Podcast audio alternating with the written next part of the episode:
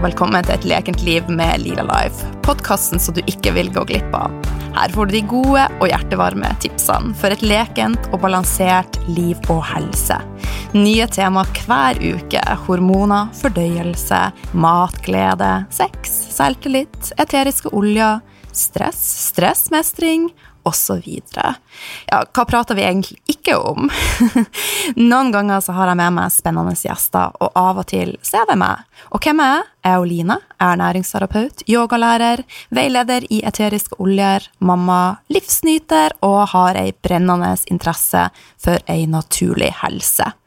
Jeg har vært alvorlig syk i mange år, og nå er jeg 43 år og faktisk mer vital enn noen gang. Livet, det leker lite grann. Mitt mål med denne podkasten er å vise at det er mulig å gjøre en stor forskjell med små endringer, brikke etter brikke, steg for steg. Sharing is caring, og jeg blir så glad om akkurat du tar deg tid til å legge igjen en kommentar på iTunes. Det betyr at budskapet når flere, og gjerne tips en venn, naboen, en partner. Ja, du får lov å tipse faktisk hvem du vil. Et stort smil og en smask ifra hun Line Lila Life. Før jeg kicka i gang dagens episode, så har jeg lyst til å dele en uh, liten hemmelighet på deg.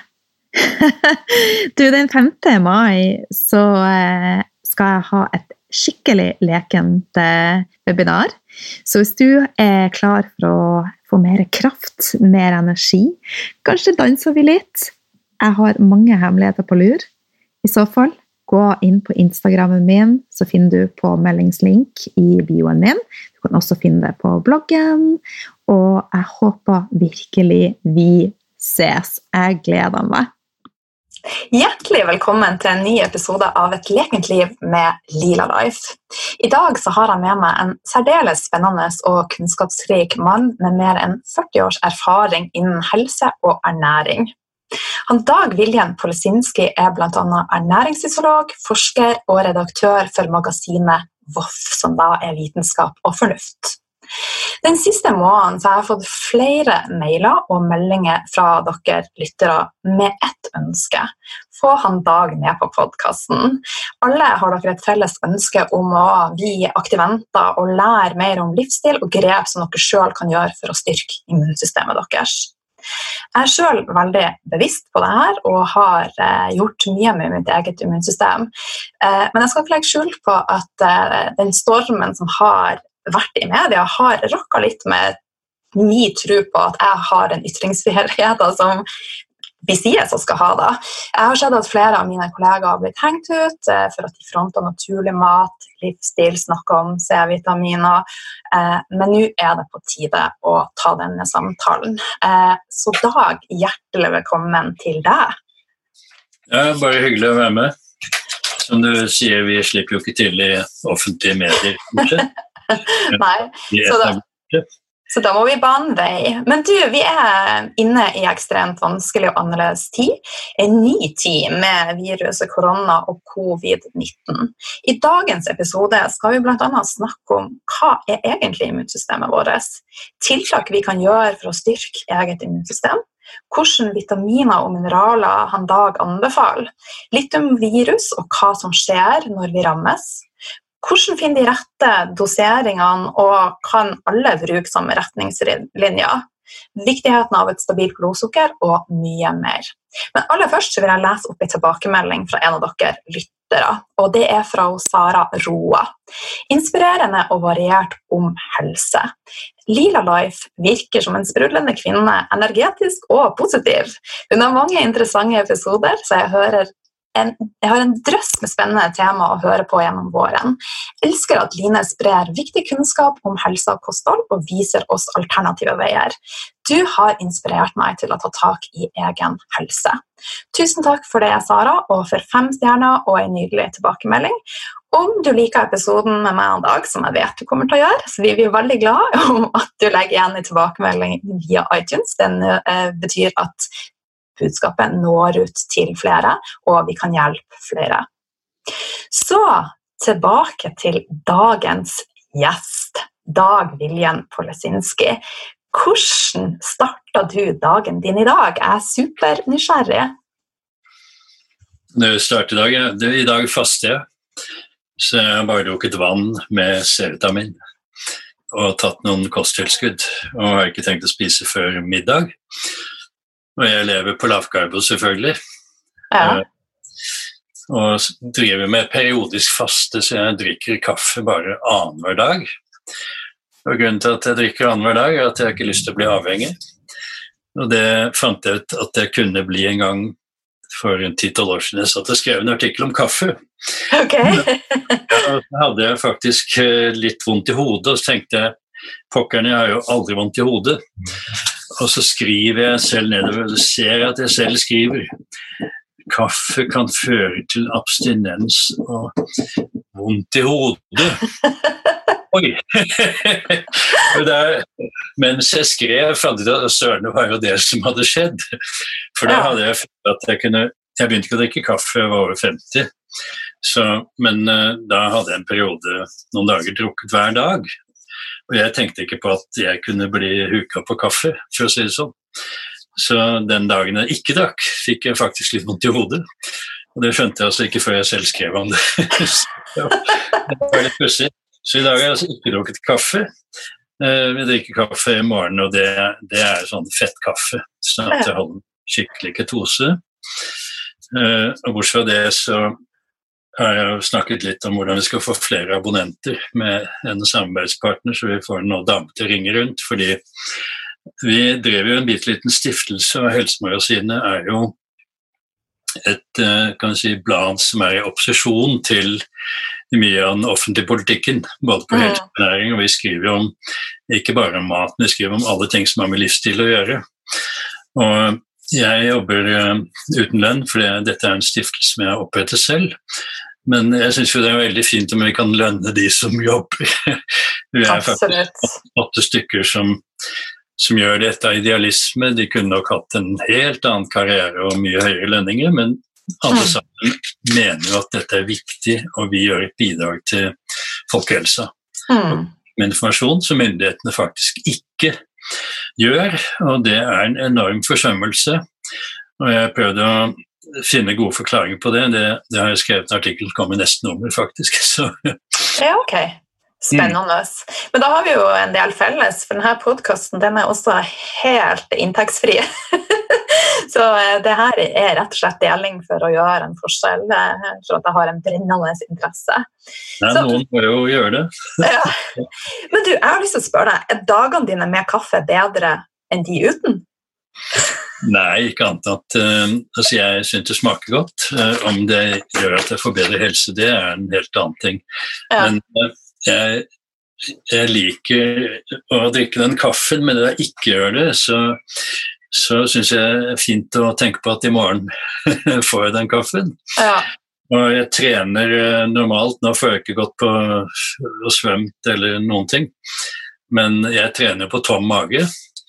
Og det er en sånn hormetisk effekt, eh, altså vil si at man får en, en form for dobbelt stimulans i treningen. Mm. Så når man går med tom mage og trener istedenfor å løpe rundt banan, som mange driver med Det er totalt talentløst, for å si det sånn. Men uh, det skyldes jo at uh, de er veldig karbohydratfiksert. Ja. Og De anbefaler jo alle å drive med karbohydrater, og de som ikke gjør det, de blir nærmest uglesettere Så, og jeg ble faktisk sparket ut fra toppidrettssenteret og jeg tror en av årsakene var at jeg delte ut Helsemagasinet og snakket med toppidrettsutøvere om ernæring. Og Det er sånne ting de ikke liker å høre der oppe. De fant på noen andre unnskyldninger, da. Men uh, nå trener jeg på Domus når det åpner igjen. Og det er veldig hyggelig. Det er studenter og andre som er mye mer åpne. Så. Ja. Men det er ikke så lett å ha oppfatning i dette landet her uh, hvis man ønsker seg en karriere innen det etablerte systemet. Mm. Det får man altså ikke. Nei, så Derfor så er det jo fantastisk at det går fremover, og at vi har podkast, og dere kan ha eh, dette magasinet. Jeg ser en endring, så det er bra. Men du, vi har lyst til å bli bedre kjent med deg. Fortell oss litt mer om din bakgrunn. Hvem er du? Tja, si det. Eh, jeg, jeg har alltid vært veldig nysgjerrig, så Jeg begynte på BI egentlig for mange mange år siden, og gikk to år der og ble bedriftsøkonom. Og så uh, var jeg ikke helt sikker på om jeg skulle dra til USA, fordi BI, hadde en utvekslingsordning med Universitetet i Wisconsin, Madison. Og da var jeg i Genéve et par semester og studerte uh, språk og samfunnsvitenskap på fransk. Så da lærte jeg jo litt andre ting. Og så fant jeg ut at jeg skulle dra til USA. og Da da brukte jeg et år på den første mastergraden i finansinvestering og bankvesen. Og den andre masteren jeg tok eh, på, på to semestre, da, det handlet om organisasjonsteori og management. Og da sluttet med det, fant jeg at jeg ville ikke gå inn i forretning. Jeg var i grunnen lei av det hele, syntes det var meningsløst. Jeg prøvde å finne på noe nytt. Og jeg hadde veldig problemer med å få jobb den gangen. Det var i 1973, så det var veldig få som visste hva en mastergrad var. Mm. I dag vet jo alle det. Men jeg fikk til slutt jobb i Handelsdepartementet, og der ble jeg en slags sånn liten opposisjonell, for jeg skrev litt sånn eh, kritisk om handel og handelssystemer og Du er en liten rebell? Ja, ja, og jeg har forresten uh, Vi har jobbet en del med en som heter Frank Soloway, som har skrevet om en bok som er Han brukte 20 år på den boka. Den heter 'Born to Rebel'. Og det er ah. altså, De fleste er altså nummer to i søskenflokken av rebellene, og jeg er nummer to. Så den boka selvfølgelig bekrefter alle mine fordommer om hvorfor jeg var blitt helt annerledes enn min eldre bror som var ganske forstokket konservativ på mange måter. Uh, han døde i 2003, forresten, så, det, men vi hadde jo mye bra sammen, men vi var utrolig forskjellige. Så jeg hadde den nysgjerrigheten, og etter Wisconsin og hadde jobbet uh, i Handelsdepartementet, søkte jeg meg inn på Institutt for fredsforskning, fordi jeg hadde hørt Johan Galtung holde et veldig inspirerende foredrag i 1974 og fikk en sånn Vita-stilling og begynte å jobbe med Helge Wie, som var en av forskerne der, og også med Johan Galtung. Jeg har holdt god kontakt med Johan Galtung helt siden den gangen og snakker med ham jevnlig. Han nærmer seg 90 og var en veldig uh, åpen og udogmatisk forsker, i motsetning til det noen misforstår ham for å være. Så jeg lærte veldig mye av ham. Eh, og så etter en del år begynte jeg å jobbe veldig mye med økologi, industripolitikk, jeg jobbet med fluor, jeg jobbet med eh, bl.a. aluminiumsindustrien og så på hvilke forurensninger de gjorde, og var med å skrive en bok om Trombetas-prosjektet, mm. hvor det var ganske store miljøskader pga. utgraving av boksitt. Og så kom jeg fra det inn i helse og jobbet på et stort prosjekt med Johan Galtung, hvor jeg bl.a. Eh, ble koordinator for en eh, ernæring- og helsegruppe. Og skrev da et langt notat, en artikkel om sukker og mental helse. Og på den tiden foreleste jeg på eh, Ernæringsinstitutt på Blindern. Mm. Men da snakket jeg om, om trekanthandel og en del sånn politisk økonomi og handel med matvarer og alt det der. Uh, og så tenkte jeg jeg burde konsultere et par av lærerne om det jeg hadde skrevet, for jeg var økonom.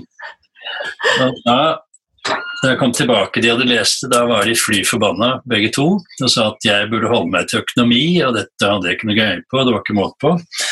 Og så bare sånn, kunne du liksom peke på hvor jeg har tatt feil, så vil jeg prøve å lære dem. Men altså, alt det de pekte på, det, de fant altså ikke noe særlig feil. Uh, men de var bare rett og slett sure for jeg hadde kommet inn på deres, deres enemerker og snakket om sukker, som Ernæringsinstituttet var svært lite interessert i. Mm. Så tenkte jeg at søren heller, jeg må heller utdanne meg til næringsfysiolog, da. så, så kan de ikke si bare økonom, så da brukte jeg fem år på det. Hvor mange, hvor mange års utdannelse har du egentlig?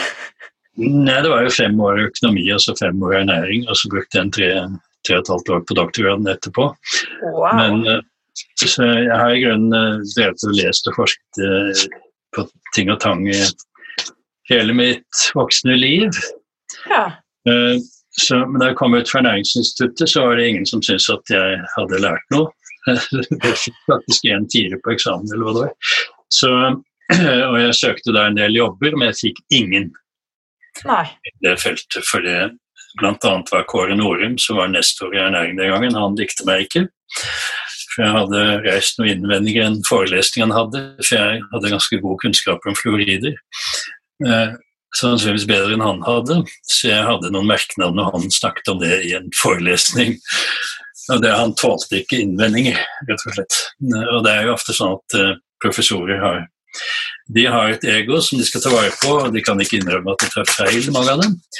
Så noe av det jeg har lært av det, er at uh, når jeg har holdt forelesninger, hvis jeg sier noe galt, noen finner noe feil, så sier jeg tusen takk. Uh, og da må jeg gå i, tilbake og finne ut uh, hva som var feil, om det var feil, og da innrømmer jeg selvfølgelig det med en gang.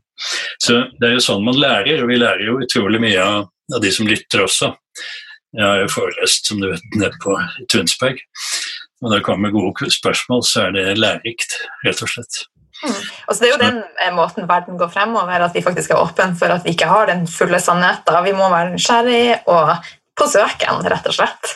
Det er nettopp det, og det er det vi eh, prøver å gjøre med Helsemagasinet. Vi skriver om temaer som eh, ikke blir behandlet i det offentlige rom.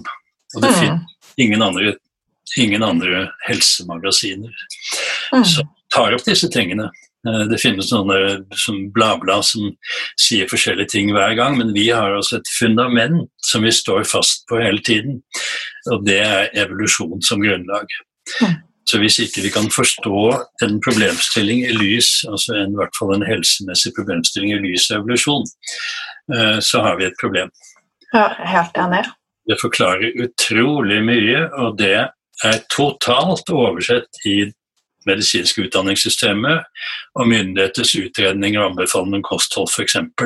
Mm. De har ikke, altså de, vi hadde et møte i Stortinget en gang hvor vi hadde med noen av Eh, de som er ansvarlig for ernæringsutdanning og ernærings, offentlige ernæringsutredninger. Da tok vi opp det der med evolusjon, og etter det kom de med Brukte de ordet en gang, men det, tok, altså det ble ingen diskusjon.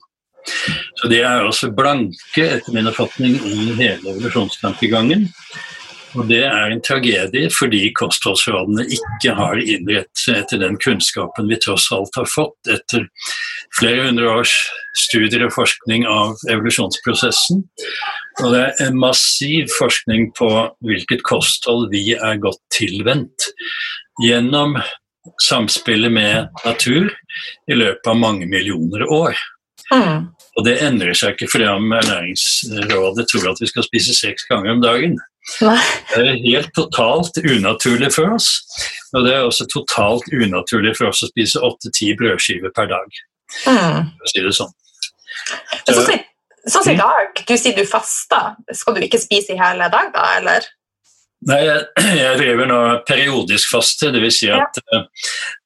uh, det er mye interessant forskning som viser at hvis man lar være å spise i 12-13-14 timer, så stimulerer man en del prosesser i kroppen som gjør at vi eh, sannsynligvis forlenger vår levealder og får en, en, bedre helse generelt, fordi kroppen og hele tarmsystemet får da hvile. Og da er det noe som heter eh, ja, altså, Man spiser holdt på å si seg selv. Man rydder da opp i en del ting i kroppen som har akkumulert seg, som ikke skal være der. Uh, I stedet for at mage-tarmkanalen skal jobbe hele døgnet, så lar vi den jobbe en relativt kort tid med veldig næringsrik mat. Og da behøver vi ikke å spise veld, veldig stort volum eller veldig lenge. og da, da, tar vi bort en belastning på mage-tarmkanalen, og, gjør, og det gjør også at tarmfloraen blir tilpasset det vi spiser. Og det tar normalt en to-tre uker. sånn at uh, jeg levde i mange, mange år på et mer sånn halvvegetarisk Jeg spiste ikke noe kjøtt. Og Jeg spiste veldig lite uh, animalske produkter. Jeg spiste litt egg, men uh, mye kornprodukter. Og i de årene etter hvert utvikle altså Jeg har ikke anlegg for å legge på meg, så jeg var ganske skrapt, for jeg trener en del og sånn. Så jeg veide jo bare 70 kilo. Men uh, jeg hadde halsbrann omtrent hver eneste kveld. Jeg hadde oppblåst mage, jeg hadde masse gass. Jeg slapp ut. og vi vet jo alle hvor uh, artig det er. altså det, det salongfeig heter det på utenlandsk. det var mindre salongfeig. Og uh, ubehagelig. Etter, et måltid så måtte du liksom slakke ut livreima. Jeg var jo oppblåst. Jeg kunne ikke hoppe på trampoline, for da fikk jeg rakettfart oppover. Sånn. Men eh, så traff jeg altså Skjervold. Iver Mystre og jeg og et par andre vi traff eh, professor Skjervold fra Ås i 1993. Det var, det er bare et lite sekund, jeg skal bare si. Hallo. Ja, kan du ringe om en time, for jeg sitter i et intervju? Her. Sånn er det å være live på et lekent liv med Lila Life. Da tar vi telefonen også! Du skulle ha hilsa, Dag. ja, men i hvert fall, poenget med Skjervold var at han hadde laget et hefte for Meieriposten. Og Der snakket han om evolusjon og tok opp en del sånne ting med f.eks. melkefett. Og da begynte vi å tenke på en annen måte. tenkte søren, jeg har jo en del sånne plager, bla, bla. Og så var jeg på Sola etter alt i forlag, og så tenkte jeg at nå tar jeg meg en biff. Og herregud, det godt jeg følte meg. Ikke noe oppblåst, og samme kveld ikke noe halsbrann. Og da begynte jeg å spise kjøtt, og de siste årene er jeg blitt mer og mer interessert i og lest mer og mer om For det skrives så mye galt om kjøtt at det er farlig kreft og bearbeidet kjøtt er farlig, bla, bla. Men altså, alt dette har vist seg å være feil. Det finnes ingen dokumentasjon. Bare for å ta kortversjonen. Mm. Eh, jeg tror nå det er riktig at uh, våre forgjengeres hovedkosthold uh, burde være animalske produkter. Planter er bare reserveproviant. Mm. Vi trenger ikke å spise masse planter, vi trenger ingenting. I kjøtt finnes det absolutt alle næringsstoffene vi trenger, til og med vitamin C. Og dette har vært underslått i alle år etter at James Linn uh, fant ut at vi skulle gi lime til de som dro på sjøen. Det døde jo mange av skjørbuk i, i, tidligere. Uh, helt unødvendig, fordi urbefolkningen visste sånt. De hadde ikke skjørbuk. Og dette ble oppdaget i 1535 av en som heter Jacques Cartier, som kom til det som nå er Canada, Montreal. Og Der hadde hele mannskapet holdt på å dø av sjøbuk. Og Så traff de indianere som hjalp dem å finne fram til ting som inneholdt det som vi nå kaller C-vitamin. De visste jo ikke det, men det var en antisjøbukfaktor. Så gikk det altså dessverre 350 år til før man virkelig fant ut av dette her, eller nærmere 400 år. Men nå vet man at C-vitamin motvirker sjøbruk, og at det er en sykdom som ikke krever mye vitamin C. Men det man ikke vet, det er at mye mer C-vitamin har helt andre effekter. Og det vi lærer på skolen, er at vi, skal, vi trenger i grunnen ikke mer enn for å forhindre sjøbruk. Og det, Da går man altså glipp av et enorm, enorme muligheter, f.eks. nå i disse koronatider. Hmm. Men du, det er jo eh skrevet mye om C-vitaminer, og det snakkes om, men samtidig så har jeg en sånn følelse av at det dysses ned. Så kanskje vi skal bare hoppe inn i det med C-vitaminer og hvordan vi kan bruke det, og eventuelt kan det brukes eh, i, mot eh, virus. Vil du fortelle oss litt? Eh, C-vitamin i store doser har vært brukt i 80 år. 80 år. Og store doser da snakker man fra 5 gram oppover. Det har vært brukt mot kreft, mot uh, astmaallergi, mot alle virus. Mot forgiftningssymptomer, eller rett og slett dødelig forgiftning i slangebitt, f.eks. Okay. Den som var pioneren på det, het uh, Klenner. Og det finnes masse interessant man kan finne på nettet man søker på Fredrik Klenner.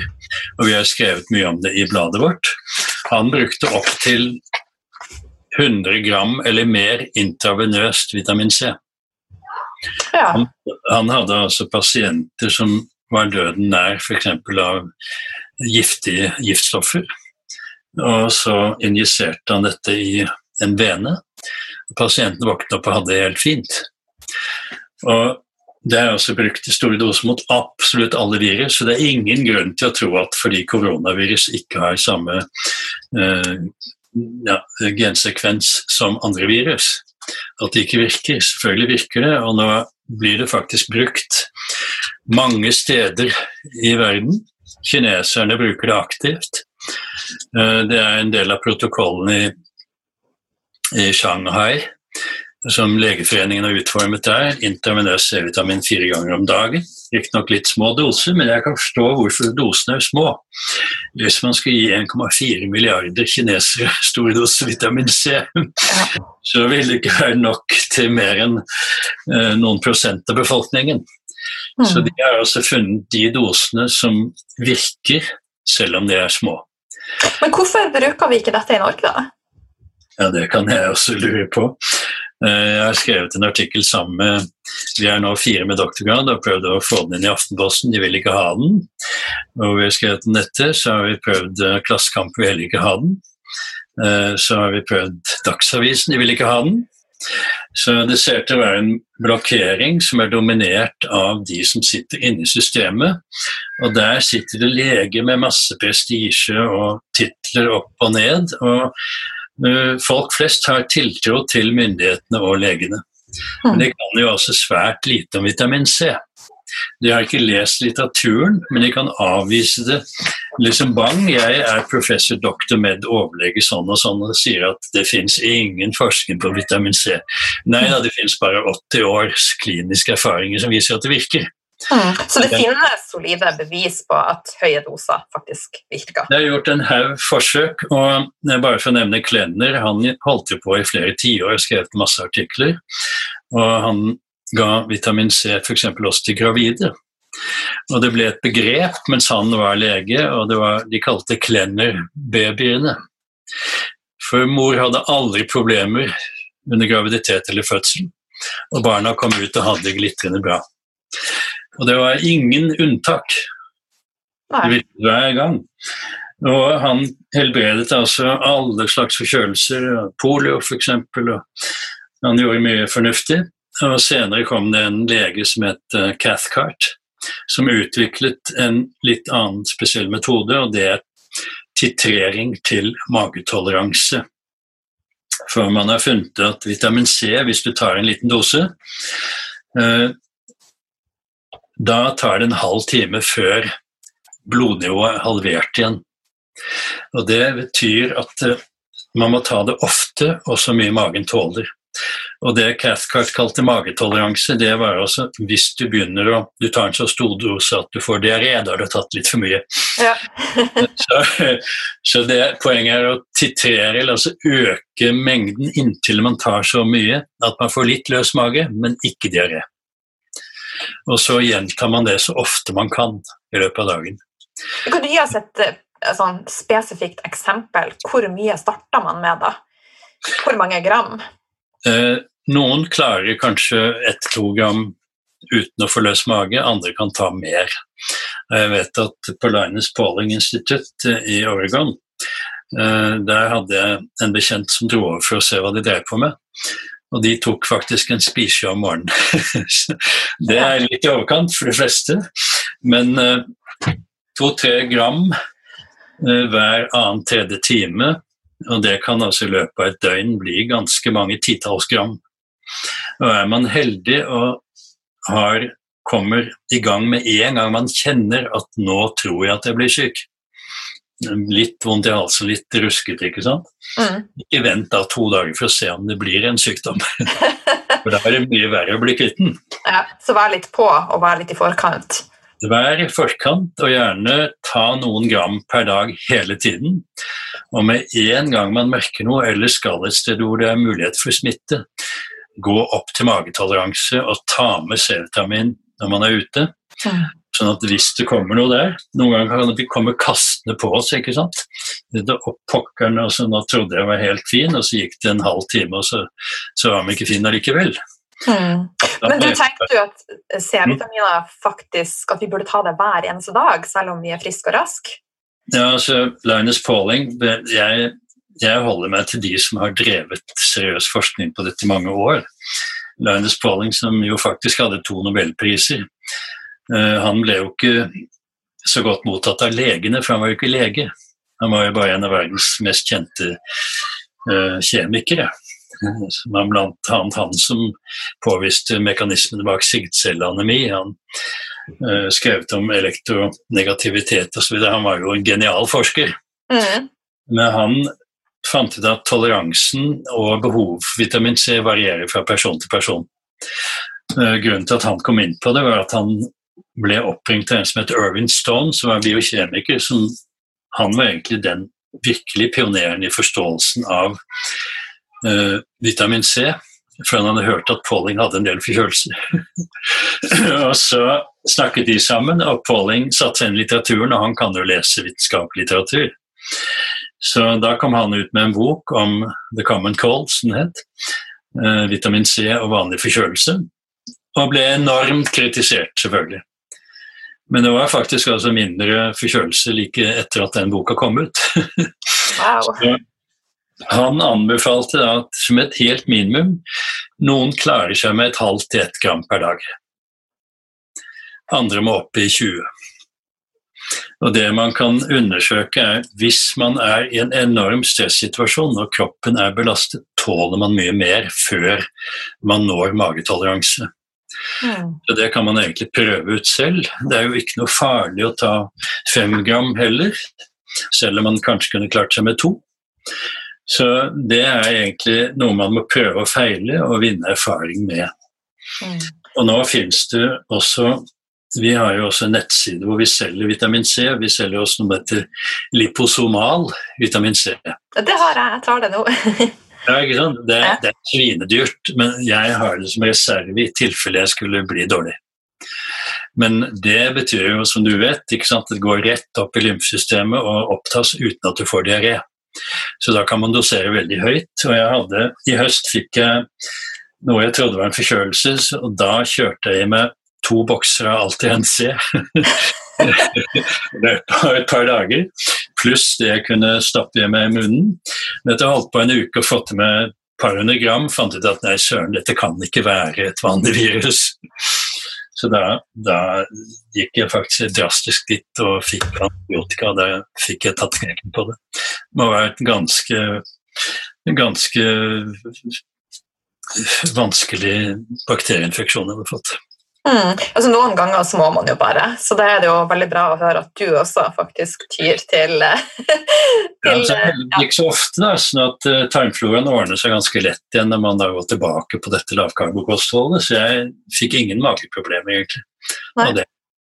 Så bra. Men du, kan ikke du fortelle litt om Nå nevnte du jo da den Rolls-Roycen av C-vitaminer. Kan du fortelle litt om de forskjellige typer C-vitaminer? Det, de kan enten være ren askorbilsyre, da det har en pH på rundt tre eller noe sånt, men i magen er det mellom én og to. Så ja. det er ikke at du blir sur i magen hvis du tar det uh, i forbindelse med et måltid f.eks. Men det er litt, de fleste anbefaler egentlig natriumaskorbat, som er uh, lett basisk. Og det kan man ta mellom måltidene, selvfølgelig, for da er jo magen i ro. Så og det er også relativt rimelig. Apotekene tar jo en svinepris, som du sikkert vet. Så, så det er helt håpløst. De er oppe i 1800 kroner per kilo. Wow. Apotek. Eh, vi selger for under halvparten av det. Eh, var det 450 kroner for et pund, er det vel vi selger for. Så det, det er helt grotesk. Det koster jo veldig lite å lage vitamin C. Og Angro kan man noen steder få det ned til en 40 40-50 kilo, eh, kroner per kilo. Jeg tenker at La oss si at det koster å lage 20 kroner, da. Og så ender det opp hos forbrukeren på 1800. Ja, det er jo rått. Det er ganske grovt. Ja. Og Der burde jo myndighetene vært inne og regulert, men altså de sier jo at det ikke virker mot noe, så det, de er sikkert bare fornøyd, for å si det sånn. Mm. men, men alle de formene du har nevnt, er de naturlige? Eh, er det noe å tenke på ja. da, altså, hva det er laga av? Mange tenker på at å, jeg må ha naturlig Da er det snakk om acerola og en del sånn noen veldig vitamin C-rike bær, men det kan du ikke bruke terapeutisk. Nei, ok. Det er akkurat samme molekyler, skjønner du. Det er helt likt, så det er ingen forskjell på det. Forskjellen er at i frukt og bær kommer det sammen en del andre stoffer. Så det er klart at man går godt gjerne fint å spise C-vitaminrike matvarer. Det er helt fint og gjerne bruke kjøtt som ikke er stekt i hjel, for det inneholder C-vitamin, det òg. Det er C-vitamin i blodet til alle dyr, selvfølgelig. Og det er mer i binyrene enn noe annet sted, men det er vanskelig å få tak i innmat i dette landet her. Ja. Kjenner jo bare renskåret biff. Uh, det var William Stefansson som fant ut i begynnelsen av 1900-tallet at inuittene oppe i nord, som han studerte og fulgte deres kosthold i mange, mange år, de fikk aldri sjøbruk. En av grunnene til det er at de spiste kjøtt som ikke var stekt i hjel. Og det finnes også i hvalspekk og en del sånne ting finnes i C-vitamin. Og så er det et viktig poeng, de levde på lavkarb- og høyfettkosthold. Mm. Og vitamin C lages av glukose. Vi mangler ett enzym i siste trinnet gamma-laktonoksidase, som for øvrig bare vi skal tenke litt, Nå har noen funnet en metode for å stimulere det enzymet til å bli produsert. Altså Vi har eh, en sånn ødelagt gen, så vi klarer ikke å lage det. Men noen mener har ha funnet opp en metode for å vekke til live det genet, sånn at vi kan lage vårt eget C-vitamin. Wow. Det er morsomt. Akkurat som rotter og mus, for å si det sånn, og esel. Et esel kan jo lage 8-10 gram. Men det her er på forsk, altså dette er ikke noe de har funnet 100% ut av, eller er det? Jeg har sett noen studier, det, det virker lovende, og det er et produkt vi sannsynligvis skal ta inn. og Det går an rett og slett å prøve det også. Jeg vil vil tro at vi genetisk er litt forskjellige, at noen får en bedre egenproduksjon enn andre, og spørsmålet er hvor mye. Vi blir nok ikke akkurat som en geit. I en sånn koronatid så vil det nok være lurt å ta tilskudd uansett. Ja.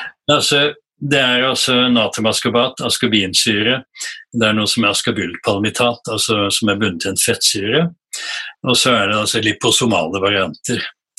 Så man kan variere alt dette her. Vi har en hvor vi har litt forskjellige elektrolytter, sånn at det er buffet, det er ikke, så, det er ikke surt. Eh, magnesium og sink bl.a. og natrium oppi samme, og det er helt ok. Eh, noen er veldig tilhenger av kalsiumaskebat. Det smaker unnskyld meg, det smaker rett og slett dritt. Og jeg ser ingen, gode, ingen fordel med å tilføre mer kalsium, for vi har stort sett altfor mye kalsium i systemet og for lite magnesium. Mm. Så hvis vi skal bruke noen uh, askobater, så burde det heller være magnesium og sink som er viktig bl.a. for immunapparatet vårt, ikke kalsium. Mm. Så da kan vi konkludere med at C-vitaminer kan man bruke på generell basis daglig. Det er med å styrke immunsystemet vårt. Det er mm. veldig effektivt mot virus og bakterier. Og det vil være individuelle mengder i forhold til Vi må prøve oss litt frem på dette. Men når man da kjenner på symptomer, at man begynner å bli syk, eller sånt, så kan det være lurt å øke på med mm. mengder. Ja. Så mye magen tåler. Og så ja. er det jo flere andre ting man kan gjøre. og Vi har med i den artikkelen professor Johan Moan, som er en av verdens fremste vitamin D-forskere. Og han og hans gruppe har gjort veldig mye interessant på vitamin D. Det ene er at det, vitamin D er en slags hormon som mm. kalt hormon. Og Det er, har en veldig viktig rolle i immunapparatet vårt. sånn at Hvis vi har en dårlig vitamin D-status, så er vi mer infeksjonsutsatt. Og Man har jo eh, disse eh, medforskerne til Johan de har jo også sett på når oppstår f.eks. influensavirusepidemier. Og det er på vinteren. Og da er vitamin D-nivået hos veldig mange i nordlige strøk, eller veldig veldig langt sør, Eh, når de har vinter, eh, da er det lavt i blodet.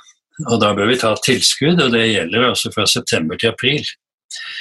Da er ikke sola nok til å danne de mengdene vitamin D som er optimalt for oss. Husk på at vi egentlig alle sammen kommer fra Afrika og hadde sol okay. nærmest tolv timer i døgnet, ikke sant. Den gangen var vi mørke i huden. Eh, og det har vært en sånn seleksjonspress for lys hud jo lenger nord vi har flyttet. Det er en del av evolusjonstankegangen, ikke sant? og det er godt påvist. Så de som kommer til Norge med mørk hud, har en veldig stor ulempe minst halve året, ikke sant? Mm. Eh, fordi de skulle jo egentlig vært badet i sol hele tiden, så de bør jo ta tilskudd. Og sannsynligvis er det lurt å ta tilskudd helt fra oktober, i hvert fall, og ta det ut april. og så være ute i sol og sørge for daglig sol. Fordi vitamin D dannes når solstrålene, UV-strålene, treffer huden.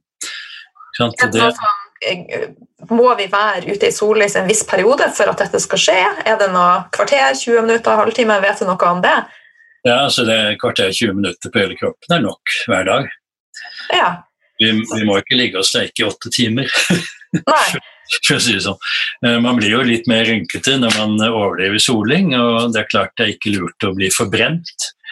Og det kan bidra til økt forekomst av føflekkreft, men eh, Moan og hans gruppe har beregnet at hvis folk hadde bedre vitamin D-status og var mer ute i sol, da ville totale kreftantallet synke med kanskje 3000-4000 i året i Norge. Ja. Litt mer føflekkreft som da ikke er farlig. Hvis du tar det tidlig, så er ikke det et problem. Men det blir mye mindre kreft generelt, for det styrker immunapparatet vårt. Men hva er dine tanker i forhold til referanseområdet? Hvor høyt bør vi være for at du tenker at det er akseptabelt? Nei, én er ikke mine, men, men, eh, for å si det sånn 75-80 eh, mikrogram eh, Nei, millimol, nei, nei, hvor mye var det? Millimol per liter. Opp til 150-200. Altså de som er på Bondi Beach i Australia, de vaktene der, de, de er sånn oppi 250 og sånn. Ok. Så de bør ikke komme under 75 til 80? De kommer aldri under det, men uh, akkurat hvor mye man trenger fra, fra det minste man bør ha, mm. jeg, jeg, tror det er lurt å ha litt mer enn det minste man bør ha, for å si det sånn. Ja, der er jeg enig. Men når det gjelder D-vitaminer, så er det jo veldig mye forskjellig ute på markedet, og det er forskjellige, altså masse forskjellig informasjon. Hva mm slags tilskudd vil du si er det optimale? Altså, det er ikke ett tilskudd som er optimalt for alle, men uh, du vet, i planter mangler en haug næringsstoffer. Uh, så når man lever på et uh, kosthold med egg, fisk, fugl, reker, krabber, sjømat, blåskjell, og kan man gjerne ha planter i tillegg, men da får man i seg all næringsstoff man trenger. Hvor så kanskje man kunne ta litt ekstra C-vitamin, eh, selv om det fins i kjøtt osv. hvis vi ikke steker det i hjel. Eh, og så har vi individuelle behov. Det har jo Bruce Ames, bl.a. en veldig kjent forsker. Han er nå rundt 90, og han forsker jo enda. Han har eh, bl.a. skrevet veldig interessant en forskningsartikkel hvor han har sett på polymorfismer Eh, som kan bety polymorfismer. Det er altså gener som har litt, litt annerledes. Eh, og så lager man da et protein, altså et enzym, som ikke virker helt som det skal. Og det enzymet det er en variant, det er ikke perfekt, så det må ha mer kofaktorer. Og viktige kofaktorer er vitamin B, forskjellige B-vitaminer. Det gjør at enzymet blir aktivt og kan utføre jobben sin. Og han har da vist 50 sånne polymorfismer hvor F.eks. behov for vitamin eh, B1 er 100 ganger større enn det vanlige folk har. Og Det betyr at noen mennesker trenger veldig mye av noen ting som ikke er noe vitser for andre. Og Det er en av grunnene til at en del av forskningen som liksom skal ja, Utgangspunktet har nærmest vært å slå i hjel forestillingen om at de trenger større dose vitaminer. At man ikke kan bruke det til f.eks. å behandle PMS hos kvinner. Det er jo en ganske aktuell problemstilling. Der viser at noen har nytte av 200 mg per dag istedenfor 2,4, som er anbefalingen. Og så har man da satt i gang forskning hvor man gir alle sammen f.eks. 10 eller 15 milligram. Og da viser det at de ser ikke noe gode resultater i det hele tatt. Men da må man gjøre det som Abraham Hoffer fant ut på 50-tallet, da han jobbet med schizofreni. At det individuelle, så, individuelle behovet er så varierende at man må titrere opp til den dosen som virker. Akkurat som man gjør med C-vitamin. Man titrerer opp til magetoleranse, altså øker dosen gradvis. Og med schizofrene fant Hoffer ut at noen schizofrene trenger 8-10 gram niacin per dag. Wow. Mens vi andre trenger 30-40 milligram. Noen trenger 1 gram. Og det som skjedde etter at han hadde gjort seks dobbeltblindrandomiserte studier hvor han fant at 85% av hans pasienter ble symptomfrie. Og da hadde han klare kriterier. De måtte slutte å se og høre og føle at noen tok på dem. Altså hallusinasjoner. Ja. Når de forsvant. Så måtte de bli venner med familien. Fordi mange schizofrene blir jo såpass gærne ikke sant, at de er ikke venner med noen så måtte de komme i jobb og betale sin skatt. Da sa han at nå er du fin. Men de måtte ikke slutte å ta sine tilskudd, for de hadde fortsatt den genetiske tendensen til at de måtte ha de dosene for at systemet skal fungere. Mm. Det, det samme gjelder for mange andre ting. At hvis man har en sånn spesiell behov, da må man altså rett og slett ta inn nok til at man eliminerer det problemet. Men finnes det andre måter enn å prøve seg frem og faktisk finne ut om man er den som trenger mer? Det, det er ikke så veldig lett. Altså for vanlig eh, hadde vi kunnet uh, lage et komplett genkart. Mm. Uh, det, da vil man kunne se sånne gener som er litt uh, ikke helt optimale. Ja. Så det, det, kan man finne. Man tar jo gentester jo spedbarn når de blir født. ikke sant? Tar en stykke hull i hælen og tar ut litt blod. Og ser om de har noen genetiske sykdommer, noen arvelige ting. Det, det, men det er jo ikke praktisk for folk flest i hverdagen. Så eh, Abraham Hoffer eh, ble spurt en gang for 40-50 år siden eller sånt, hvorfor tar du alle de der kosttilskuddene, og, og, hva tror du du skal oppnå med det? Så sier han jeg skal svare deg om 40 år. Veldig motiverende. Så det, det, er ikke sant, spørsmålet er skal vi bruke penger på uh, dyre viner, og restaurantbesøk eller uh, feriereis til Syden, eller skal vi gjøre ting som sannsynligvis er gunstig for vår helse? Og Da er jeg mer tilhenger av å bruke penger på sånne ting. Uh, og så var det én ting vi ikke fikk snakket om, og det var lavkarbo, for det er lurt. Ja, så et stabilt blodsukker, vi har vært litt inne på det, det er viktig. Vi må også eh, snakke litt om immunsystemet, men først, ja. hvorfor lavkarbo? Hvorfor er du så frelst på det? Altså det ene er at vi er genetisk eh, tilpasset lite karbohydrater gjennom en lang, lang evolusjonsprosess på mange millioner år. Våre forgjengere levde stort sett i istid. Noen tror at istider det var liksom litt istid, og så ble det varmt igjen, men det var ikke sånn det var. Uh, hvis man ser tilbake på millioner år tilbake, eller et istidene varte fra 70 000 til 125 000 år. Mm. Så kom det en liten varmeperiode på en 10 000-12 000 år, og nå er vi inne i en varmeperiode. Men det kommer ny istid, og det har ingenting med CO2 å gjøre i det hele tatt. Den kommer. Uh, så den klimaet Altså hele verden kommer til å bli belagt av is på et punkt? Hele verden. altså Under siste istid da gikk liksom iskanten uh, omtrent ved Middelhavet og sånne steder. Så halve Europa. Men det var ganske kaldt nedover Afrika også da, på den tiden. Ikke sant? Det hele er forflyttet. ja. Norge er jo dekket av is, altså peak ice som det heter, eller altså toppen av forris. Det var 22 000 år siden. Det var sikkert et skikkelig blondinespørsmål, men bra du kunne oppdatere meg. Prat videre. mm. da, nei, men Nei, det er ikke noe typisk blondine. Jeg har spørsmål. Men uh, poenget er at uh, under istidene spiste våre forgjengere veldig lite karbohydrat.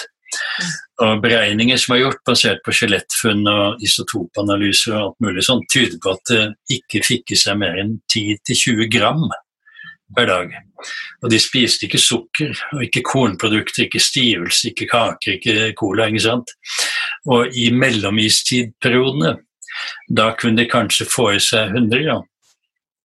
Kanskje unntaksvis i sesong, fordi frukter er i sesong, kunne man ha spist litt mer.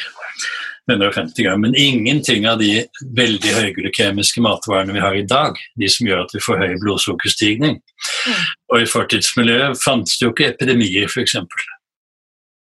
Fantes ikke, og det, En av grunnene til det er at uh, disse mikroorganismene trenger jo ethvert som overlever.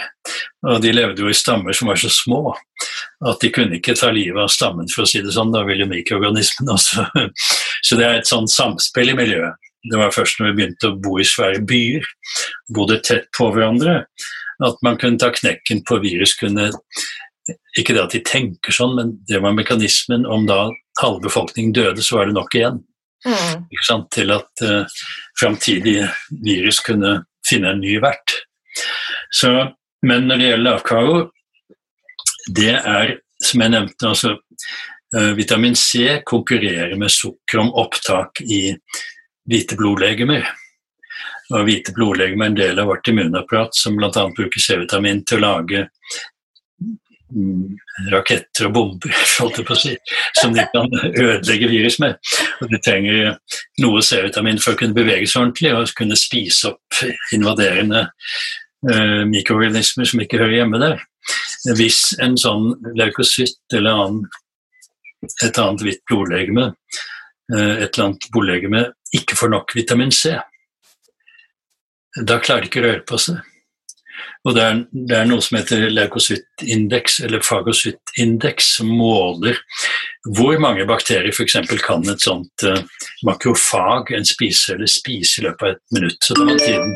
Dette kan gjøres på et laboratorium.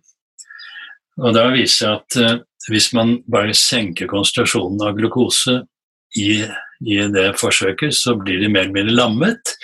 Og blant de gruppene som har dårlig immunforsvar, er jo diabetikere. Ja, det er dårlig blodsukkerregulering. Hvis blodsukkeret blir veldig høyt, som det er i perioder vanlig hos diabetikere som er dårlig regulert, da klarer ikke cellene å ta opp C-vitamin. Ah. For det er så mye sukker i blodet, og de to konkurrerer. Og da får de ikke de våpnene de skal ha til å uh, motvirke virus og bakterier osv. Sånn uh, og dette fant man ut i, 1500, nei, i uh, eh, 1850 omtrent. Da var det en tysk lege som het Bremer, som drev et sanatorium for tuberkuløse. Og han hadde veldig gode resultater ved å gi høyfettkosthold. Så gikk jo selvfølgelig alt i glemmeboka, og så kom eh, poliovirus, eh, og det var i store bolker. Og jeg har skrevet om dette i Helsemagasinet. Der var det en lege som het Benjamin Sander, som fant ut at eh, pasienter som hadde drukket cola om sommeren, eller vært ute og trent for hardt og for, fikk lavt blodsukker, de kunne få paralytisk polio. Så han utformet og gjorde forsøk på både aper og kaniner. Og fikk satt inn i avisen et, en annonse hvor han advarte mot å spise mye brød og drikke cola osv. midt under en epidemi. Og da fikk de en tydelig knekk i kurven på den epidemien. At stadig mye, langt færre enn forventet fikk polio. Eh, og han drev også forskning på tuberkulose og brukte lavkarbo på alle disse tingene. Og, fikk, og dette var altså fra 30-40-tallet utover. Alt dette er glemt, og dette skrev Iver Myster og jeg i vår første bok om sukker. Og da ble vi slaktet i Legeforeningen av en professor på universitetet som sa at det vi skrev om polio var bare tøv, det var gammelt. Vi hadde altså ikke artikler fra nyere tid, men det er jo ikke noen artikler fra nyere tid på polio. For det, det er jo stort sett utryddet. Men eh, den litteraturen, den er jo da tydeligvis mange ikke kjent med. Og Sandley gjorde en fantastisk jobb den gangen allerede. ikke sant? Det er jo 70-80 år siden. Mm. Så mye av den lærdommen burde vi ta med oss i dag. Ja, så Generelt jeg at sukker det er ikke så veldig positivt for et sterkt immunsystem. Men det finnes jo det som jeg kaller gladkarbo. Jeg tenker også at eh, det er gjerne en forskjell på damer og menn. Eh, Sjøl trives jeg ikke på det laveste av det laveste, men jeg ligger på rundt 50 gram karbo, da har jeg det fint. Nå er jeg på skikkelig lav karbo. Eh, ja. men, eh, så det vil jo også være litt individuelle forskjeller. Er du enig i det? Ja, vi er forskjellige, og ja. den uh, mest betydningsfulle polymorfismen, det er forskjellen på deg og meg. ja, ja. Ikke sant? Uh, vi har jo kvinner vi, Dere har jo mangler kromosomer som vi har, og alt det der, og, og vi er blant forskjellige. Men når det gjelder grunnleggende ernæring, er det stort sett samme prinsipper som gjelder Ja. Men som du sier, altså Atkins hadde jo en strategi uh, for å finne ut hvor mye karbohydrater man tåler. Og det er individuelt. Uh, det han gjorde, var å begynne med 20 gram per dag eh, hos overvektige personer. Og så så han at vekten begynte å gå ned, ikke sant. Mm. Og så la han på til 25 gram per dag. Og hvis vekten da fortsatt nedover, ok, en uke etter det, eller to, så la han på 5 til 30. Så han holdt han på helt til han fant det nivået eh, da man begynte å gå litt opp i vekt igjen. Og da gikk det ned på det som holdt vekten stabil, på det ønsket vektnivå. Mm. Og det ser vi, Noen er mer eller mindre insulinresistent. Og Timothy Knox har skrevet en del om dette i sine bøker. Han er jo en veldig kjent fysiolog og eh, forsker eh, og lege eh, og professor eh, nede i Sør-Afrika. Eh, han har lagd en veldig interessant skisse som er gjengitt også i Helsemagasinet, som viser at jo mer insulinresistent man er, desto mindre karbohydrat tåler man. Noen tåler kanskje bare 20 gram per dag, andre tåler 50, noen tåler kanskje opp i en 70-80. Men ifølge Jan Kwarsniewski, som også er en av pionerene på høyfettkosthold, er at ingen bør ha mer enn 150 gram. Det er skadelig. Og så sier idrettsfolk at ja, men eh, man får så mye energi av sukker.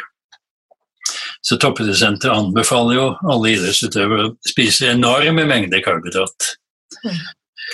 Men så viser det at den sannsynlige mekanismen som kroppen har innarbeidet, er at oi, nå har vi mye sukker i blodbanen, nå må vi bruke det opp med en gang, for det er skadelig. Sukker er reaktivt, og det inngår i noe som heter Maillard-reaksjonen, eh, som da fører til bl.a. at huden blir rynkete. Da binder sukker seg til proteiner. Og alle de som baker brød, vet jo at hvis man kliner eggehvite på skorpa, ja. liksom, så får man fin, brun skorpe. Jeg har ikke lyst til å ha den skorpen inne i kroppen. Og den skorpen er altså sukkeret i stivelsen i brødet som binder seg til proteinene i brødet. Hvis man har mye sukker i blodet, da binder disse sukkermolekylene seg til proteiner og skaper kryssforbindelser og mer rynker.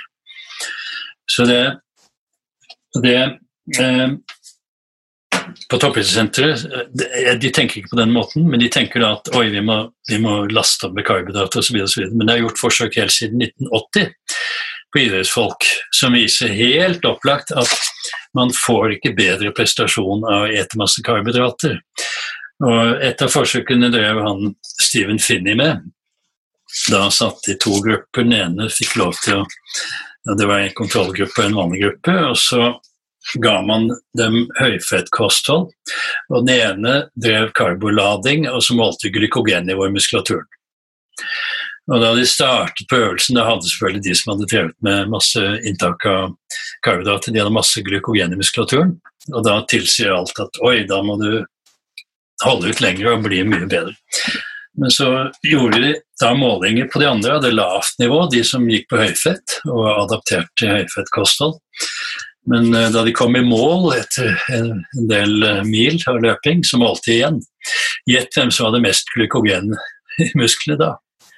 Det svaret var opplagt. det var de som hadde lavest fra før. ja. det, det, er fordi at de hadde trent opp kroppen til å bruke fettsyre og ketoner. Og ketoner er det mest effektive brenselet vi kan bruke. Og det, har, det virker antiinflammatorisk. Det kan ikke brukes av kreftceller, så det motvirker kreft. Det øker hjernekapasiteten vår.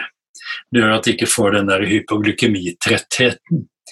Sånn at å være i lett ketose veldig ofte, det er gunstig, og det er en god forklaring på at vi er at det er gunstig, og det er fordi vi har vært sånn hele gjennom vår evolusjonshistorie. Mm. Og alle spedbarn som blir født, er i ketose. De bruker ketoner som en god del av energiforsyningen. Og de, har jo altså, de får i seg melkesukker, men det har, eh, de er jo over 50% fett i morsmelk.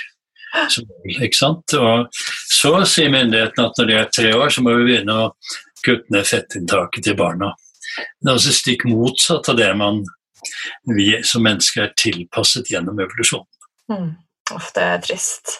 Det er trist. Men, ja, men du, eh, kjapt, klarer du å forklare hva er immunsystemet vårt? Altså, hva, klarer du det? ja, altså, jeg vil anbefale folk å lese Det er en sånn godt sammendrag fra Linus Pauling Institute. og Der kan man søke på 'Nutrition and the Immune System'. Mm. Uh, men det er bare kort, så Den forklarer oppsummerer det ganske greit. Altså, vi har en, først en barriere. Det er hud og uh, slimhinner, ikke sant? magesyre. Mye drepsår når det kommer ned i magen. ikke sant? For magesyren, den pH-en vi har i magen, den er sånn at hvis du stikker fingeren inn der, så blir den fingeren borte, altså. det er surt. Men det har et sånn beskyttende slimlag, sånn at eh, vi tar ikke skade av det. Og så har vi en bakterieflora nede i tarmen, som også bidrar som er en viktig del av immunapparatet vårt. ikke sant? Så Det er de ytre barrierene. Det er før ting kommer inn i systemet. Og så har vi noe som heter antigener på cellemembranene. Og da er det to typer. Man kan være utskiller eller ikke-utskiller. Og det har i diskusjonen med blodtyper det, ikke, det kommer i tillegg til blodtyper. Men hvis du er utskiller, så skiller du de antigenene, slags antenner, ut i spytt og sekretene i magen. Og de virker også eh, som en slags forsvar mot immunangrep utenfra. Nå er jeg litt uheldig, for jeg, har, jeg er ikke utskyldig. Det er 15% av befolkningen, så jeg, blir lettere, jeg får det lettere inn i systemet. Når du først er kommet inn i systemet, så har man et generelt forsvarssystem. Mm. Og det er nøytrofile makrofager og altså hvite blodlegemer. ikke sant?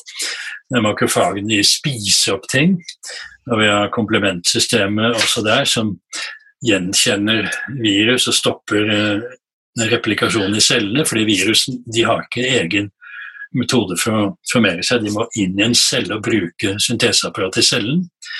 Men når immunapparatet oppdager den, så går komplementsystemet bang og fester seg på cellen og stopper hele prosessen. Så det er altså det som pålegger Altså det er eh, medfødt immunitet. Det finnes selvfølgelig folk som har veldig dårlig immunforsvar. Mm. Men det er altså det cellemedierte. Så har vi det som er eh, tillært immunitet. Og det er spesifikke immunsystemet, telomfocyttene, de oppdager ting, lager anti, de lager forskjellige markører som de kan gjenkjenne fiender på. Og Det er jo det man prøver å gjøre med vaksiner, altså at man får et eh, putter inn vaksine med et drept bakterie eller virus for at immunapparatet skal lage antistoffene, sånn at det gjenkjennes senere. Mm. Da kan man jo diskutere om hva som er best, og der er det uenighet. Altså, I Norge er det ingen uenighet blant uh, offentlige myndigheter, de mener det skal vaksineres som bare det. Men uh, andre synspunkter er at vi skal bygge opp vår egen immunitet nok, og at det er litt forskjell på uh, f.eks. å få meslinger på naturlig måte og gjennom vaksiner. Mm. Ja, men det er da disse antistoffene vi bygger opp mot spesifikke fiender, for å si det sånn. Eh, og så kan man altså styrke disse systemene med en del tilskudd, for det eh, Noen av disse her de skaper sånne reaktive oksygen. Uh, metabolitter. Og da trenger vi ting som gjør at cellen kan lage det, ikke sant? sånn at vi kan sende ut raketter og bomber og sånn på fienden. Viktige stoffer vi må få inn, det er vitamin C og E og jern og sink og kobber og selen osv. Og, så og er vitaminer? Ja, og A-vitamin er også viktig for, uh, for det. Uh, og en del av disse immuncellene flere meter fettsyre og vitamin D. ikke sant? Forlat, B12, B6, sink, jern, kobber og selen. Så hvis man har en god ernæringsstatus, da er det iboende immunapparatet så godt som vi kan få det til. Uh, og så kan vi altså, hjelpe oss med ekstra tilskudd i perioder hvor det er litt ekstra krise. Mm. Og en av grunnene til at uh, jeg har veldig tro på at vi trenger en del tilskudd, det er jo at vi tross alt vi lever jo ikke i steinaldermiljøet. Vi har tilført miljøet enormt mange forurensninger som kan tenkes å overbelaste immunsystemet vårt. Eh, og vår avgiftningskapasitet i leveren, f.eks. Så da trenger du kanskje litt hjelp. Sånn, apropos det, så var det en ganske interessant artikkel Bruce Ames, som jeg nevnte tidligere. Han undersøkte i 1980 omkring eh, kreftframkallende stoffer i mat. Og han fant noe ganske interessant, at de som vi tilfører via sprøytemidler og kjemikalier i miljøet, mm. vet du hvor stor andel det er av de kreftfremkallende stoffene i mat? Uh, nei 5 Wow. 95% fins naturlig i mat. Ja. Og det er en av grunnene til at uh, det er ikke sikkert det er så lurt å spise så veldig mye planter. Og en del planter er faktisk skadelige for oss. De inneholder lektiner, de inneholder oksalater, de inneholder fytat, og de inneholder mange kreftfremkallende stoffer eller som kan bli aktivert når vi får inn. Mm. Så han argumenterte for at det var ikke så utrolig farlig som vi tror. Men nå kan du si at miljøforurensningen er blitt verre. Og, men vi kan også bruke forskjellige metoder for å nøytralisere disse giftstoffene. Men den beste metoden, etter min oppfatning, i dag, etter mange, mange års refleksjon, det er at vi må spise mest mulig eh, animalske produkter produsert på en god måte. Ja, enig. det er grasetende dyr, og noe som er blitt populært nå, er jo fra nese til hale, ikke sant. Eh, og så at vi spiser mer av selve dyret. Eh, F.eks. Eh, jeg jobbet jo med det sous vide-metoden. altså da da så jeg litt på matvarer jeg kunne bruke der, og så fant jeg ut at Vet du hva man gjør med hønseføtter i Norge? Nei, det kastes vel. Ja, eller selges til Kina. Ja. ja. Så der er det kollagen. Og det finnes eh, Vi får nok uh, fiberstoffer ved å spise kjøtt.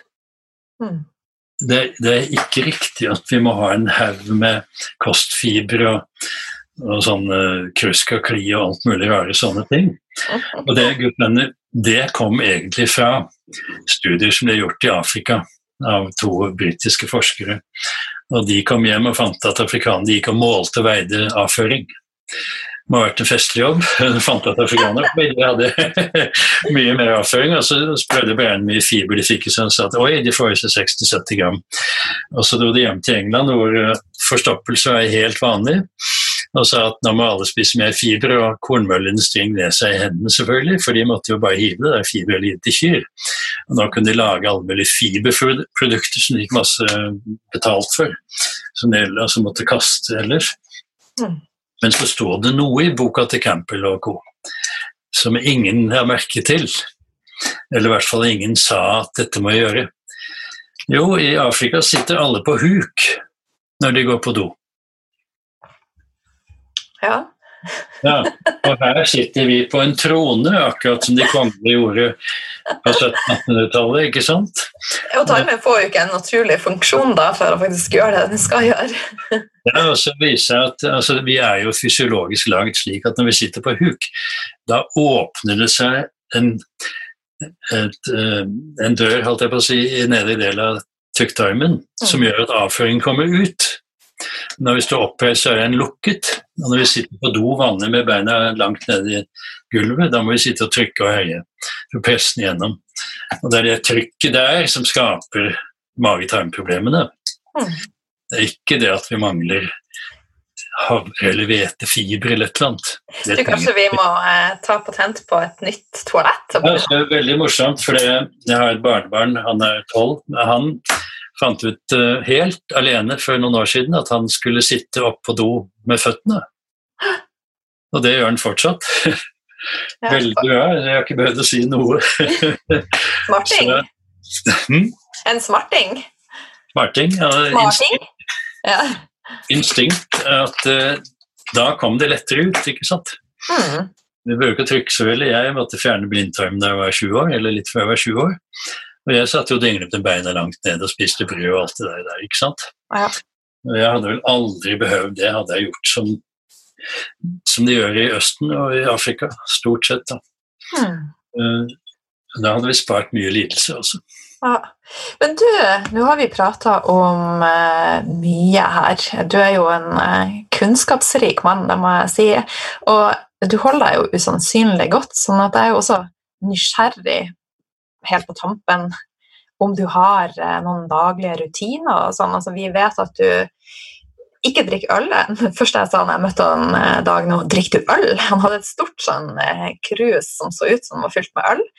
Og det var jo selvfølgelig C-vitaminer. jeg vet at du eh, spiser lavkarbo.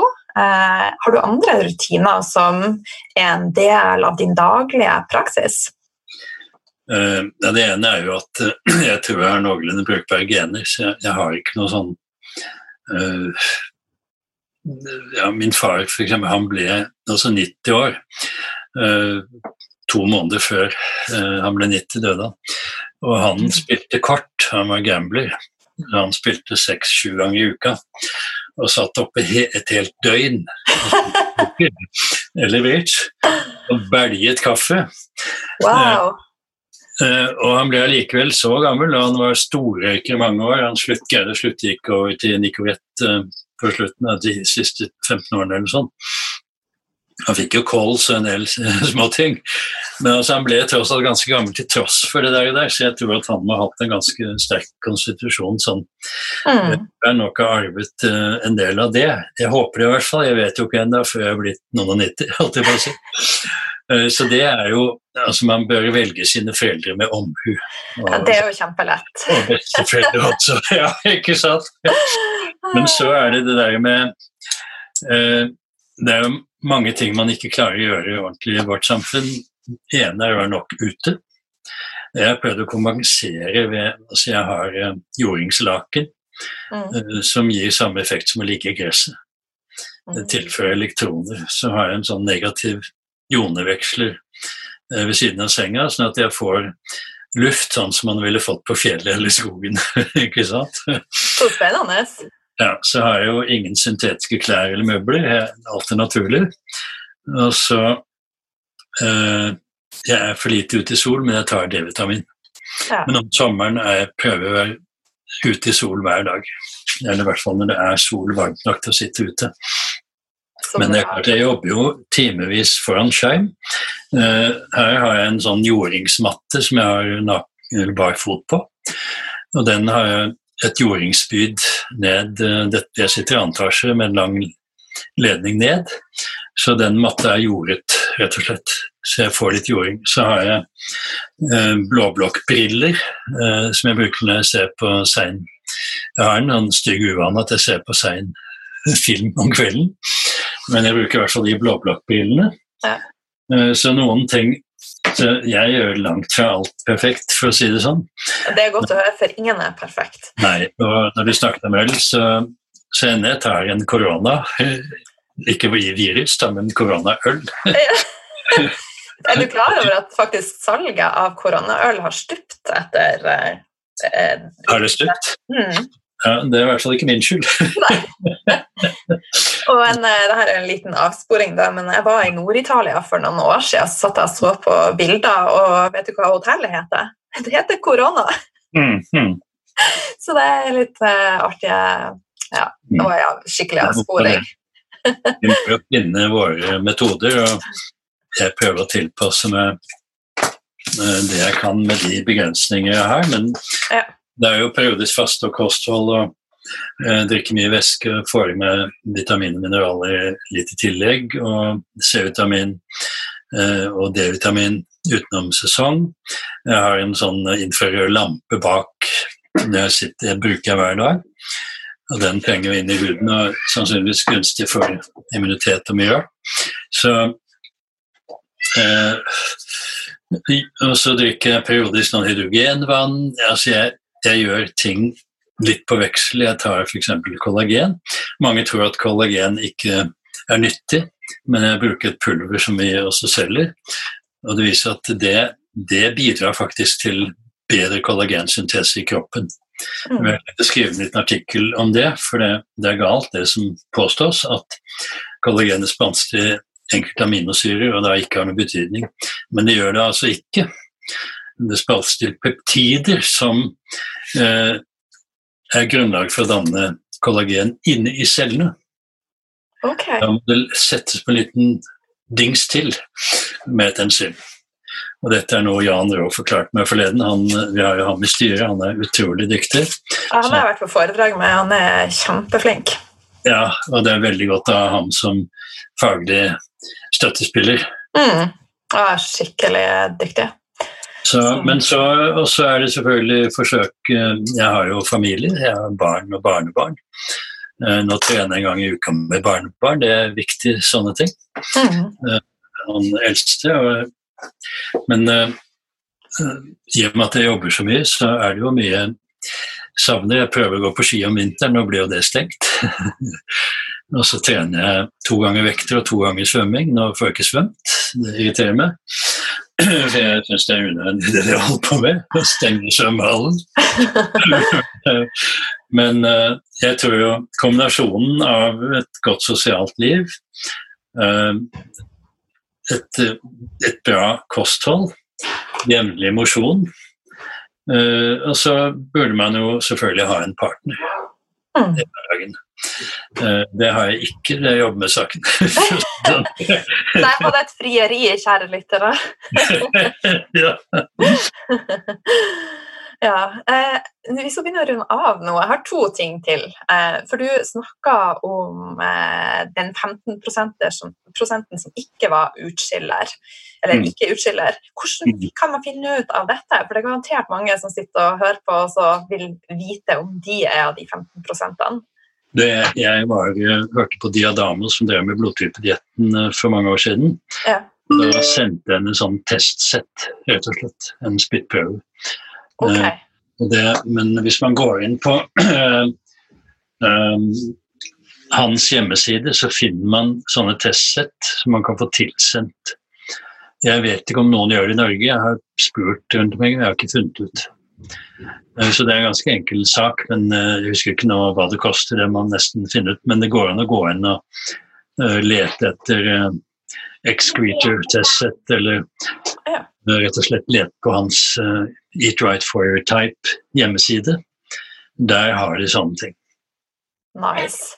Eh, jeg sender deg en mail, sånn at jeg får linken hos deg, så kan jeg legge den med episoden. Ja. Helt på slutten, så Jeg vet jo at du har skrevet mange fantastiske bøker, men har du ei bok som du ikke har skrevet sjøl, som du vil anbefale til verden?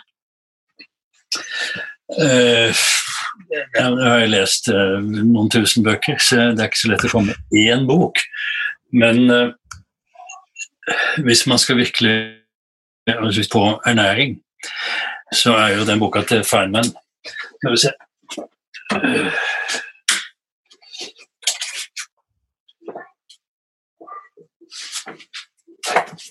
Bare Altså En amerikansk professor i biokjemi han har skrevet en bok som jeg anmeldte anmeldt og skrevet om i Helsemagasinet. heter 'The World Turned Upside Down'. Verden snudd på hodet. Så han, han, skriver jo veldig mye om hva vi vet, og hva som egentlig er det rådende synet. Og han har da skrevet eh, en revidert versjon som heter 'Nutrition in Crisis', som handler om gale studier, gale råd. og det han kaller en virkelig vitenskap av menneskets stoffskifte. Så Hvis man leser den grundig, så lærer man veldig mye om metode, hvordan man skal fortolke ting, og hva vi egentlig vet og ikke vet. Så de som er veldig opptatt av ernæring, vil jeg si, de kan lese den. Det er ikke for vanskelig. Uh, og jeg syns det er noe av det beste jeg har lest. i hvert fall. Jeg har lest en del tusen bøker. Men uh, og de som leser tysk, burde jo absolutt lese Wolfgang Lutz. Den fins på norsk og engelsk, men den tyske versjonen er mye større og mye bedre. Den heter 'Leben ohne Brot' Wolfgang Lutz. Bedre uten brød. Leve uten brød, eh, og 15 opplag. Eh, jeg hadde en del kontakt med Wolfgang Lutz før han døde. Jens, Jens og jeg var jo faktisk og besøkte ham. Og da skrev jeg en reportasje etterpå, og siden jeg hadde mye kontakt med han også på telefon etter at han også uh, kom på et sånt hjem, så han var virkelig han var en ydmyk og fantastisk person som menneske også. Mm. Enda så dyktig han var. Han hadde jo enormt mye forskning og kliniske erfaringer. Og han sa jo, jo, sa jo selv også at jeg tror han Jan Kwasniewski hans råd er kanskje ikke så dumme, altså. Han selv anbefalte opptil en 70 gram karbohydrat, og Kwasniewski lå nede på under halve. Så Lotz uh, mente jo at kanskje Kwasniewski hadde funnet en bedre formel enn han selv, og det er det ikke mange som innrømmer. Nei, så bra. Ydmykhet er viktig. Veldig respekt for han der. Altså, dessverre døde jo Kwasniewski i fjor. Eh, er skrev en nekrolog, som du vet. Men han var jo en av pionerene som nå har jeg gått gjennom jeg går gjennom 100 pionerer på lavkarbomusikk. Mm. Før, født før 1940. Ja.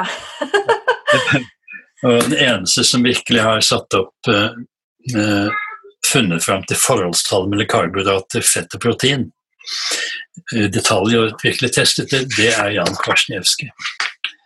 Jeg tror det var nok eh, den som jeg vil framheve mest av lavkarbofolk. Men uh, det går langt tilbake, som sagt.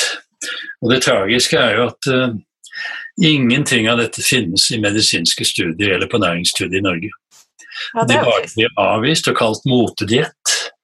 Og jeg er blitt invitert på Atlantis og andre steder og skulle snakke om motedietter, og da sa jeg at motediett er myndighetenes råd. Ikke kalle det motediett i det hele tatt, for det er jo veldig nytt. Vi har jo ikke spist sånn noen gang før jordbruket kom. Mm. Ikke sant? Altså, liksom bare se helt bort fra tre-fire millioner år og si at eh, nei, det er mote. Ja, det er ganske ironisk. Det er ganske arrogant, vil jeg si. Ja. Yes, vi har skravla nå lenge. Så tusen eh, takk, Dag, for all kunnskap og inspirasjon du har eh, delt. Det har vært en ære å ha deg med. Og så eh, Hvis lytterne ønsker å komme i kontakt med deg, hvor kan de finne deg? Jeg har jo e-postadresse på står i bladet. Viljenetvoff.no, så kan du gjerne bare sende meg en e-post. Det er ikke sikkert jeg klarer å svare på alt med en gang. Nei. Det får minst 100 om dagen. Men uh, når det gjelder spørsmål, så vi har jo leserinnlegg, så vi prøver å plukke ut leserinnlegg som kan mange bli interessert i. Så noen av spørsmålene de tar vi opp der og gjengir i bladet. Men uh, som sagt, det ringer jo noen folk til meg av og til. og og det er jo hyggelig for så vidt, men eh, det viktigste er jo da at de, hvis de blir abonnenter Vi har faktisk publisert mange, mange tusen sider. Og de aller fleste svarene som folk ønsker å få, de fins der. Vi har skrevet om det meste. Eh, nå er et nytt tema vi har tenkt å ta opp, og det er det der med antibeitstoffer i mat. Så nå jobber vi ganske mye med det. Så bra, det er jo veldig viktig. Ja, Så det kommer vel til høsten blant annet. Og nå foreløpig blir det vel mest om koronavirus og mye sånt. Ja. Da vil vi avslutta avslutte by the bell, så da tror jeg vi sier tusen takk eh, for, eh, for nå i dag. Jepp, det er bare hyggelig å være med. og det, det, er altså ingen ære å ha meg med. Det er tvert imot meg som skal være glad for at du får lov til å spre ting. Takk for det. ok.